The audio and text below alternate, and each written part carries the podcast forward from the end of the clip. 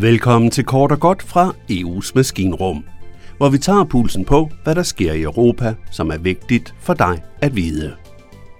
I udsendelsen her kaster vi blikket på en af arbejdslivets absolut største dræbere.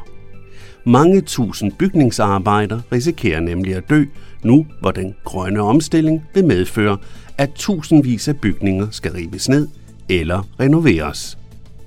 Der lurer nemlig en fare, mange troede var udryddet.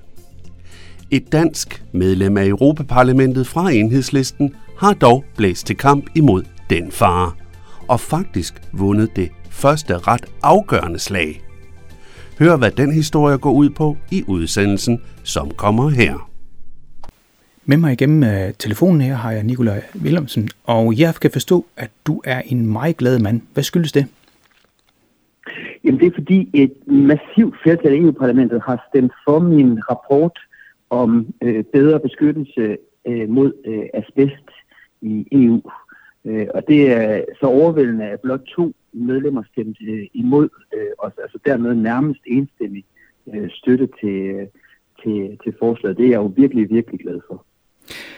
Men når du nu siger, at de stemte for din rapport, altså det lyder lidt tørt. Altså hvorfor har de en stor betydning? Det har en fuldstændig afgørende betydning, fordi det, som flertallet i EU-parlamentet bakker op om, det er, at vi har brug for at få en... Øh, de har virkelig bakket op om et forslag til en strategi for fjernelse af alt øh, asbest i EU. Og det er afgørende vigtigt for at undgå, at tusinder er der tusinder skal miste livet øh, af asbest øh, i de kommende år. Asbest er jo noget, som nogen måske ikke går og tror er, er fortid og øh, fortidens problem, men det er jo virkelig noget, der er i rigtig mange af vores bygninger, og dermed noget, som øh, ikke mindst bygningsarbejdere risikerer at komme i nærheden af, når der bliver øh, lavet renoveringer. Øh, ikke, ikke mindst i en tid, hvor vi jo klimarenoverer vores huse for at komme i mål med den nødvendige øh, grønne omstilling. Så det er fuldstændig afgørende, at vi får, øh, får sikret øh, os alle sammen, og ikke mindst bygningshåndværkerne, øh, markant bedre mod den øh, kæmpe store fare, som asbest er. Nikolaj Wilson, du sidder i Europaparlamentet for enhedslisten. Du bliver lige nødt til at forklare mig, fordi jeg mente jo, at asbest var forbudt. Ja, det er sådan, at asbest øh, blev totalt forbudt tilbage i 2005 i, i EU, men der er 80 procent af husene, øh, bygningerne i, i EU, er bygget før 2005, og det gør jo, at asbest stadig er derinde, og vi ser desværre, at antallet af dødsoffer fra asbest er, er stigende alene i, i 2019, der var det øh, mere end 90.000, der døde af asbestrelaterede sygdomme i, i EU. I, I Danmark er tallet øh, omkring 300 om året, og det gør, at asbest er den absolut øh, største forårsager af arbejdsrelateret kraft. Så asbest er virkelig en, en dræber, som, øh, som slår ihjel øh, helt massivt, øh, og som der virkelig er behov for at, at gøre noget ved. Og det er så det, som EU-parlamentet nu øh, kræver. Jeg kan forstå på dig, at det var din rapport, der kom igennem. Du har stået i spidsen for at lægge den her strategi, og du får den igennem i din del af parlamentet, om sige. Men hvad er så de næste skridt? Hvad sker der nu? Nu er det fuldstændig afgørende, at vi sikrer, at der bliver øh, øh, handlet. Øh, og, øh, og det, som selvfølgelig er positivt, det er, at EU-kommissionen har sagt, at de vil følge op på, på forslaget, at de vil øh, sætte, øh, sætte asbest, eller kampen mod asbest som deres absolut øh, første prioritet på, på, øh, på social- og beskæftigelsesområdet øh, næste år. Øh, og så vil vi selvfølgelig øh, se, hvad de helt konkret lægger frem. Men det, jeg forventer, det er jo, at EU-kommissionsformanden Ursula von der Leyen lever op til, at hun blev i e parlamentet, da hun blev, hun blev valgt. Nemlig, at øh, når EU-parlamentet stiller forslag om, at der skal ske konkret øh, lovgivning, at hun så vil følge op med, med, med, øh, med præcise øh, forslag. Og det er det, som, som jeg forventer. Vi har behov for akut handling, vi har behov for bedre uddannelse, certificering af virksomheder, der øh, arbejder med, med asbest, uddannelse af de øh, bygningshåndværkere i, hvordan de skal håndtere det.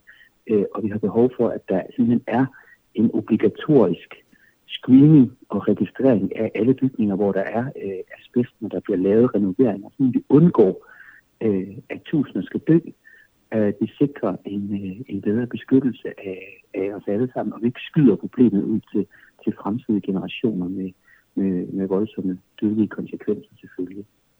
Og nu er du allerede inde på det. Det, er, det går også dels ud på, hvis jeg forstår det rigtigt, at uddanne de her mennesker, som altså skal åbne de her bygninger og renovere dem. Altså det kalder man det, når man river en væg ned eller sætter et nyt loft op. Men også, at der er en registrering af de her bygninger, om der er asbest i. Hvordan pokker gør man det her nær sagt? Altså hvordan kan man vide, om der er asbest i en bygning? Jamen i virkeligheden, at, at det vi lægger frem, i virkeligheden samlet plan for, hvordan man bør håndtere og få fjernet asbest i EU. Og det er først og fremmest selvfølgelig at kræve, at landene reelt laver handlingsplaner for at få fjernet asbesten. Det har man ikke i dag. At man får opdateret den grænseværdi, man har for asbest øh, til øh, de nyeste videnskabelige øh, øh, øh resultater, der siger, at selv den mindste eksponering for asbest kan være dødelig. Så vi skal have øh, 100 gange sænket øh, den nuværende øh, grænseværdi, hvis vi skal undgå, at, øh, at tusinder vil dø. Men så også, at vi siger øh, helt konkret, at det, der er behov for, det er, når man øh, skal ind og lave en, en renovering øh, af et hus, jamen så er, er det obligatorisk at lave en screening for at se, om der er asbest i huset. Og hvis man finder asbest, så skal det selvfølgelig registreres i et nationalt tilgængeligt register, sådan at håndværkere eller potentielle købere eller, eller øh, øh, brandfolk øh, og andre øh, kan vide, om der er asbest i et hus, inden de går, øh, går i gang med at arbejde øh, på det. Øh, og så skal vi have bedre uddannelse, øh, ret til uddannelse for alle bygningshåndværkere, så de reelt har mulighed for at opdage, om de er på vej ind i en dødsfælde.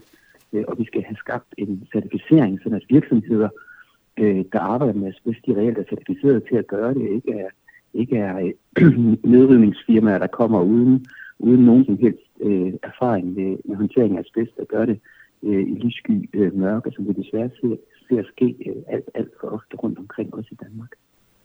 Hvis din plan lykkes, hvor hurtigt kan de her bygningsarbejder så være beskyttet imod, lad os kalde det for tidlig død?